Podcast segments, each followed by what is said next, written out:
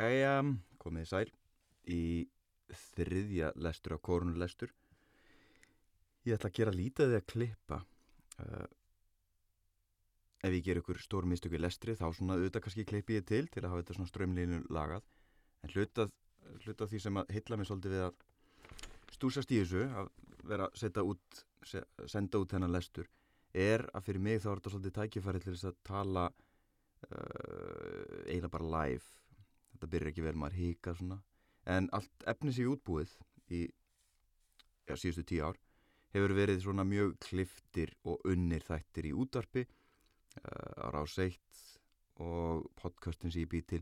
Sömulegðis og svona hljóðbókalesturinn er náttúrulega alveg kliftur til þannig að hljómar alveg hreint uh, bara snöðurlöst, gallalös en í þessu tilfelli þá ætla ég að lega mér aðeins að vera bara svolítið meira flæðandi. Þannig að þetta er þriðilestur og ég með í höndunum Sovjetvinin frá mars, april 1934 og þetta er uh, tímaritt gefið út af Sovjetvinafélagi Íslands gjörist meðlimir. Skrifstofan var á þessum tíma í Hafnastræti 18 og uh, postbox 392 og þetta er stórmerkjuleg blöði á svona, hvað ætli ég, tíu, tíu eintöku af þessum blöðum frá líkum mánuðum og komst yfir þetta fyrir svona fimm árum síðan og ég hef flett í gegnum þetta lesið einu og eina grein en þetta kjörið tækifæri til þess að uh, kynnast þessu ritaðins betur. Og ég tek það fram, þetta er ekki lesið upp sem einhver tilrönd til áróðus, þetta er náttúrulega bara stórn hluta til áróðus rit eins og önnu rit með mjög mikill hugmyndafræði þar að baki, pólitískri. En það er kannski svona áhugavert að, að, að, að lesa þetta og reyna að greina örlítið svona vangaveltur um hitt og þetta. Og eins og ég segi eins og ég sagt áður í þessum lesturum að þá er hugmyndin að þetta sé uh, grundöllur til að skapa eitthvað, eitthvað spjall við af og ömmu, uh, eldri frændur eða frængur bara eldri ættingja á þessum tímum COVID-19, koronavirunar og sótt kvíja og uh, félagsleira fjarlæðar og allt þetta. Þannig að í mínum huga þá er þetta kannski svona áhugaverð insýn í fortíðina ákveðin hluta íslenski sögu sem er mjög vel skrásett. Ég man nú ekki svona í augnablikinu nefnum okkur merkum bókum sem varu skrifuð, skrifaðar en uh, margir sem að er náttúrulega algjörlega á móti öllu sem tengis kommunismannum og svo aðri sem eru mjög hlindir og maður greinir þetta enn þann dag í dag ég menna Hannes Holmstedt Gissurason náttúrulega er okkar uh, helsti svona varnar múr kakart þessari ógnur austri eins og þetta var kallað í gamla daga. En svo eru við líka með áherslu sem við heyrum í uh, í málflutningi og í áherslum stjórnmálaflokka og verkaðlýs uh, samtaka félaga. Þannig að þetta eru þetta ekkit liðundir lok svona þessi, þessi tókstreita millir hægri vinstri abla en ef við förum aðeins inn í sovjetvinnin, fórsíðan er rauð það er mynd af Stalin ég ætla þetta vonandi að segja Stalins ekki fara með nátt mál hérna á forsiðinu á okkur stóri flokks þingi á fyrstu blaðsjun er svolítið, forvit, er, svolítið skondin tilkynning og þetta eru vinsaleg tilmæli.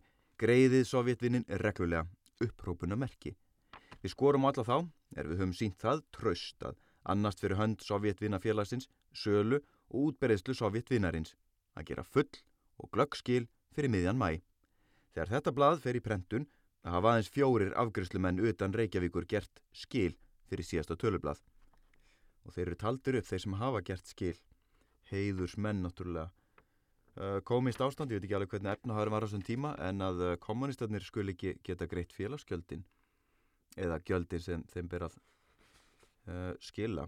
Efnum þessa blaðs er meðal annars félagi Dimitrov, Dimitrov, jú, eftir Jóhannes og Köllum, Ræða Stalins eftir Andrés Strömland, ávarp frá ekju Lenins, sendi, nefndin til Sovjetiríkjana, ráðstjórnaríkin og alþjóðar reyfing verkalýsins eftir Kristinn E. Andersson. Og mörg að þessu nöfnum sem að koma fyrir íslensku nöfnum eru náttúrulega, ég er bara þjóðþekt í tengslunum við uh, kommunisma. Fyrsta greinir endar er eftir Sigur Tómasson og hún heitir Kvikmyndir. Það ætla að renna yfir þetta því að þetta er náttúrulega mjög, mjög áhugaverð grein. En uh, samtal svona umræðefnið sem getur skapast út frá þessu eða er að spjalla við eldri ættingi en náttúrulega svona að líti yfir 2000. öldina sérstaklega kannski fyrir hluta fyrir 1950 og forvitnast hvort að einhver hafi ykkur einsinn í stöðu kommunismans hérna árum, árum, árum áður, áratugum áður. Því að það, það, það leynast ímsar hugmyndafræði sem við kannski heyrum ekki nefndar þessu nafni, kommunisma, en ánáttúrulega sína byrtingamindir.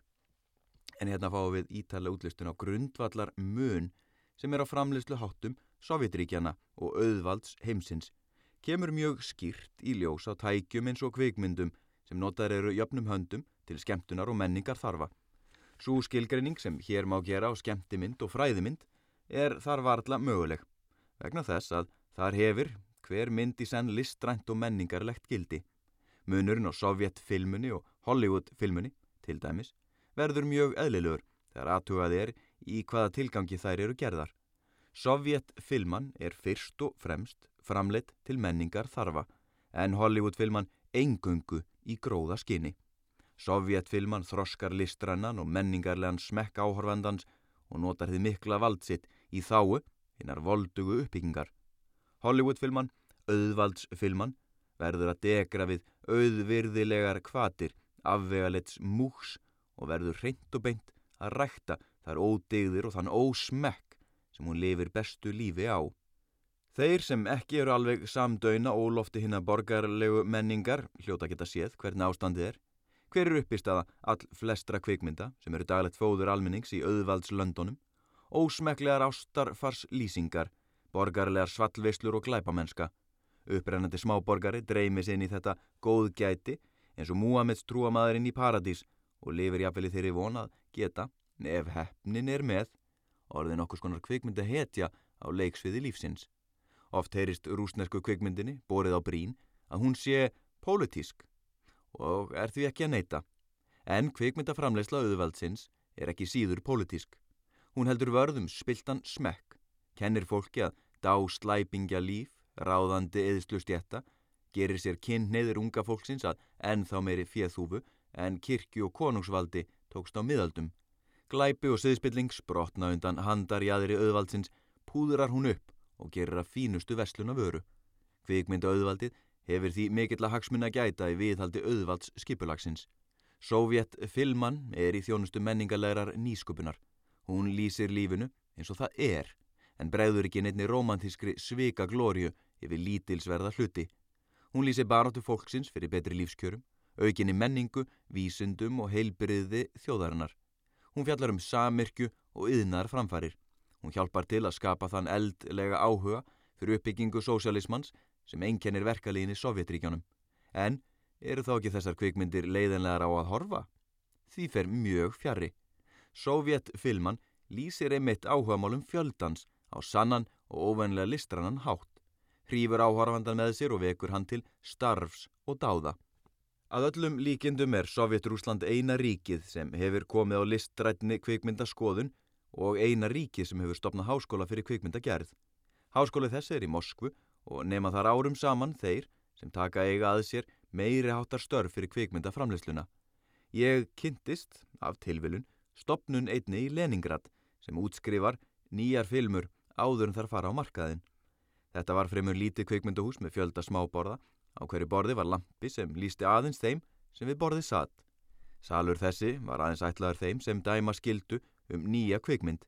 Þar voru sæti fyrir list, dómara, uppeldisfræðinga, lækna, fulltrúa verkamanna og fleira. Menn þeir sem dæma eiga um mynd þá sem sínd er fá eðublað sem þeir útfylla um leið og myndin er sínd og gera sínar aðtúasemtir við hana.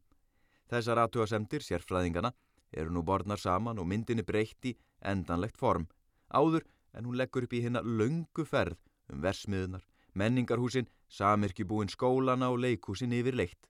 Allstaðar þar sem unnið er með hug eða hönd. Allir eiga að kosta á að njóta hennar. Margir fyrir lítið verði ókepis. Hvarvetna örvar hún til meira starfs og menningalegst þroska. Bendir fram til auðura lífs og fullnaðar frelsis undan síðust áhrifum hinn stegjandi kapitalisma. Hjálpar starfandi stjætt til þess að breyta hugssjónum kommunismans í veruleika. Wow. ég er svo sem alveg aðdáðandi ímess að bóka Haldurs Lagsnes sem að fór uh, frægarferði til Rúslands og skrifaði einmitt í Sovjetvinnin En þetta er náttúrulega bara rittskoðun, punktur basta.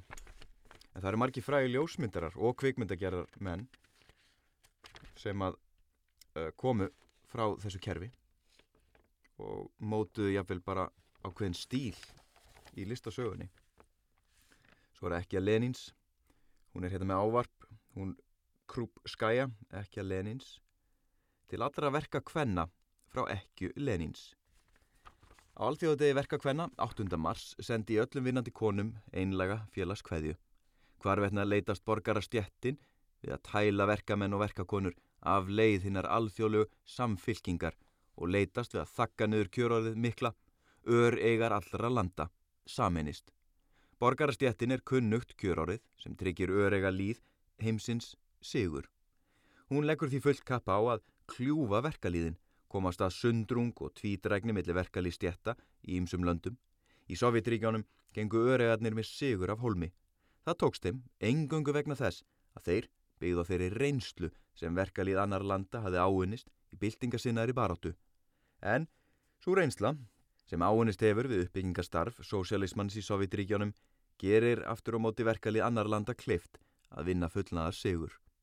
Hinn 8. mars fylgir verkalíður allra landa sér einn dregin um hinn rauða fána, baróttumerki ör eiga líðsins. Slík samtök fá sérstaka þýðingu nú í ár er stríðshættan vofir yfir. Verka konur, æskja eftir bróðulegri samfylking alls verkalýs, en eigi eftir stríði, er skapi aukna örbyggð og orsaki sláturinn nýra miljóna í þáu auðvaldsins.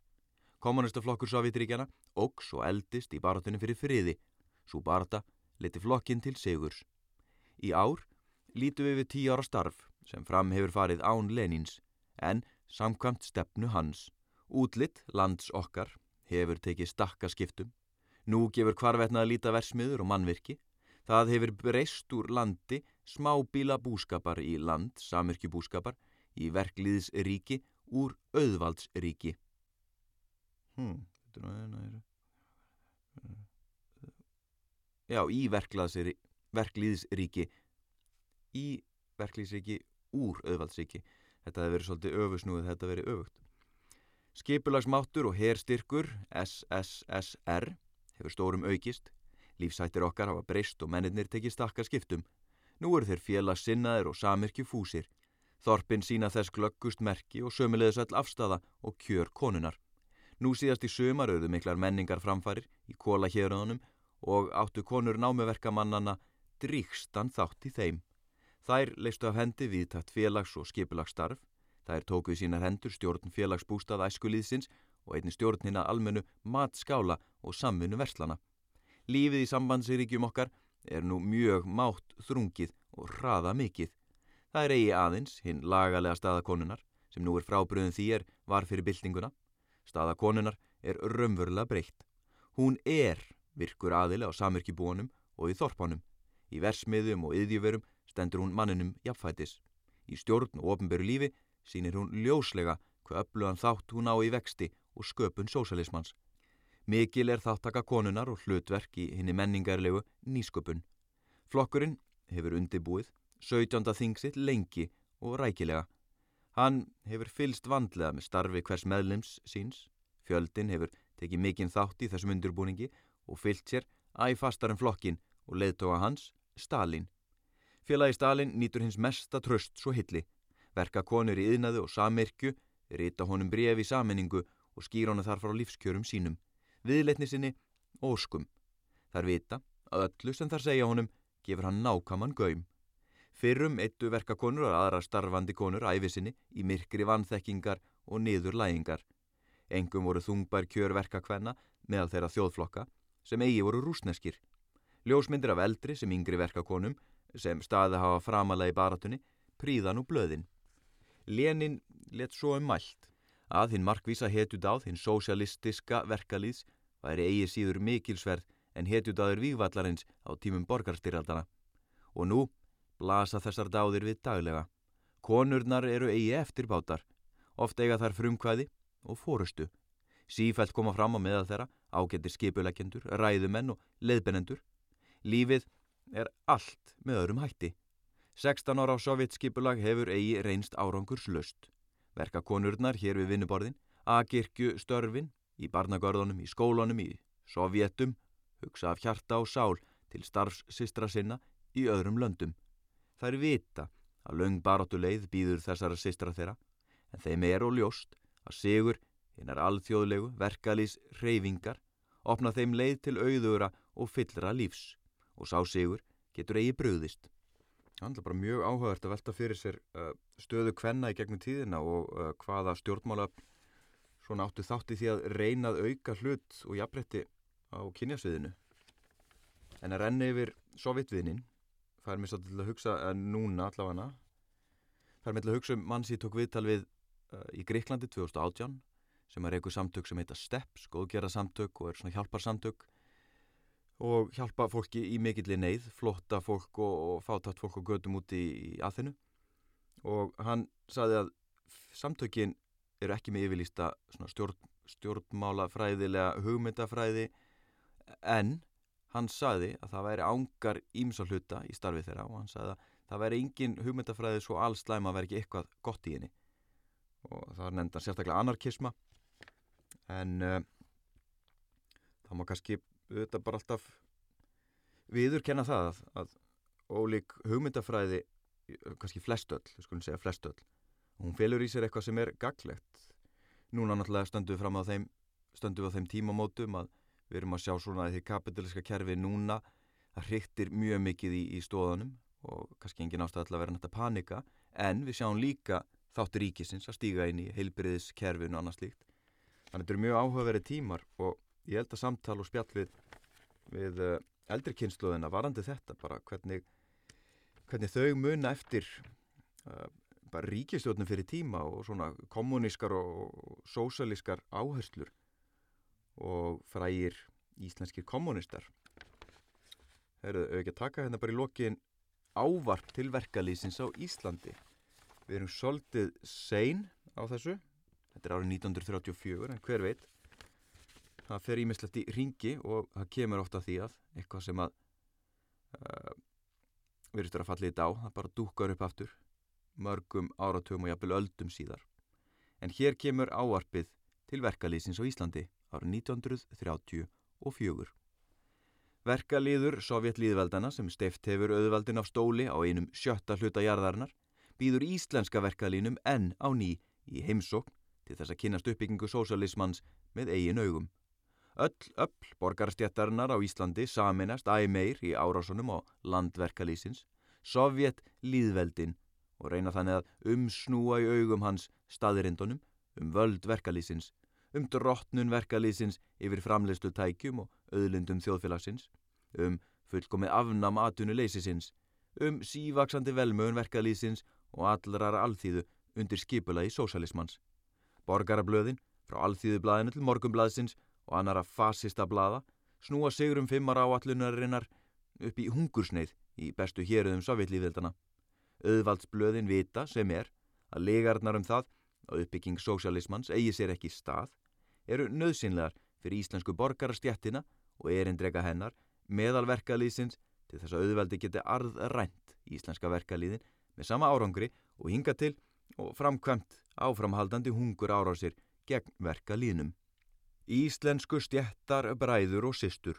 Nú eigum við kosta á að senda okkar eigin stjættarsískinni sem við treystum til þess að kynast í hvernig rúsneska verkalínum hefur tekist að sigrast á öllum erfilikum og gera landsitta einu mesta yðnar og landbúnaða landi heimsins. Til sendifarareinar verðum við að vanda valið að senda efnileg og aðtugul stjættarsískinni okkar sem hafa áhuga á að kynnast sovjetlýðveldunum sem best og hagnýta þá lærdóma í baratunni gegn íslenska auðvaldinu í þáu verkalýsbyltingarinnar og sovjet skipulagsins á Íslandi. Sendinemdin þarf að vera komin 1. mæ til Moskva. Þess vegna þarf nú þegar að hefja peningasöfnun af fullum krafti því að íslenski verkalýðurinn þarf að bera kostnaða förinni til og frá landamörum Rúslands. Sákostnaður var við síðustu sendinemd cirka 550 krónur á mann. Þessi fjárupphæð verður að fást með frjálsum samskotum meðal verkalýðsins og allra sovjetvina. Nemndir verður að kjósa á sem allra flestum vinnustöðum, það er verða að taka sér allan undibúning sendi nemndarinnar, gera tillögur um menn, sapna fér til fararinnar og svo framvegis. Sökum þess, kundibúningstímin er orðin afar naumur, verður að hraða öllum framkvæmdum eins og framastur und. Verkamenn og verkakonur, sínum mátt, samtak okkar. Solberg Eiríksson, Enok Ingimundarsson, Þórarin Þórðarsson, Margreit Árnadóttir, Bergsteinn Hjörlefsson, Ingólfur Einarsson, Guðbrandur Guðmundsson. Það fyrsta sem kemur í huga minn því ég leist þetta, það er náttúrulega, uh, það er spurningum með njóstnara. En uh, ég veit ekki hver, hverju voru mögulegir íslenskir njós, njóstnarar fyrir Sovjetríkin. Kanski einhverjir sendiherrar, eða hver veit. Ráðstjórnaríkin og alþjóðarhefing verkalýsins. Svo er tilkynning Uh, herru, svo eru auðlýsingar, ég ætla að enda þetta afsaki, ég bara, ég bara held áfram og áfram og áfram. Því að þetta er áhugavert, mér finnst þetta alveg mjög áhugavert og spennandi að ykkur meina að lesa þetta og, og fræðast. Og enn og aftur konsepti við hennar blessaða lestur, kórónu lestur er sá að uh, fræðast og svona heyri eitthvað áhuga, áhugavert og nýta það síðan í samtali við afaða ömmu, frændaði frængu, bara einhvern aldra nættingja, pappa og mömmu á þessum erfiðu tímum þegar fólk er bara í símtölum að í staðan fyrir að spjallum eh, ræðum veiruna og ástandið og, og hvernig hlutinir eru í á bráðamáttökunni og hvað víðir sæði í dag, etc. sem er svo sem allt í góðu að þá væri þetta að finna annað uh, umræðefni og það væri þetta. En að lokum, það eru auglýsingarnar og ég velti fyrir mér allir þessir, þessi fyrirtæki sem auglýsa á uh, síðum, bak síðum hérna, eftirstu síðu sovjetvinnarins, allir þau séu eitthvað rétt skoðu varandi það að þau þurfa að vera já, hluti af hluti af hugmyndafræðinni. Til dæmis Erlingur Jónsson sem verist vera húsgagna vinnustofa var hann yfirlýstur kommunisti, sósialisti svo náttúrulega Íslensk-rúsneska vestlunafélagi það fær nú bara ekki beint á milli mála hvað, hvað þeirra stuðninguleikur svo er að kaupi nafta, bensín og smörningsóljur hvaðan koma nafta? Er þetta gerir áferðið það sér frá Rúslandi svo er permanent hár liðun með nýtísku tækjum fljótvisk mjög skrítin hérna, uh, leturgerð. Fljótvirkar en áður hefur þekst hér. Þetta er massi snirtustofa lauga við fjögur og það sem kemur helst fyrst í huga með þar það eru þetta endalus gaggríni kommunismans á þessum árum á allt svona skraut og allt uh, glingur og, og, og glans og allt sem að þeim þótti vera sko fal, eitthvað falst við. Útlitt styrkun og, og þessar aðferðir um, auðvald stjættana til að viðhalda þessari neyslu neyslu verkalýsins þannig að áhugavert að pæla í þessu. Og svona bara endar þetta. Það eru nú fleiri ölsingar einna hérna. það er vestlunin Vitin, sími 2737 allar kjöt og nýlendu vörur Bergstaðastræti 61 og mér finnst gaman að lesa svona og einhvern veginn í smástund uh, auðvitað er í statur hér og er að hugsa um þetta út frá okkar samtíma en svona í sögulegu ljósi. En líka eitt augnablík eins og í þessi statur árunni 1934 að sérst, bara lesa útvarsfréttir allir hafa auglist í, í útvarspinu á þessum tíma. En allavega við látum þetta bara gott heita frá korunulestri þetta á sovjetvinnurinn, já nú þó nokkur eintök þannig að kannski glukkuðu fleiri uh, ég ætla að vona hann Hannes Holmstedt Gissurarsson eldi mikið uppi hérna alveg brjálaður að ég sé að koma þessu á út í loftið. Stór hættulegt en við kannski finnum eitthvað mótaði við þetta. Og allir skjótum bara ekki inn í næst Nadesta söguljóðun eftir Jóð Elli Rúneberg í næsta lestri til aðeins að svona kúpla okkur út úr út úr politískri hugmyndafræði. En ég segja annars bara vonandi hafa það sem, sem best farið valega og verið hugulsum með alla sem sérstaklega þarf að passa upp á á þessum tímum, þó hendur og svo framvegis. Verið sæl og blessuð, bless, bless, takk fyrir að hlusta.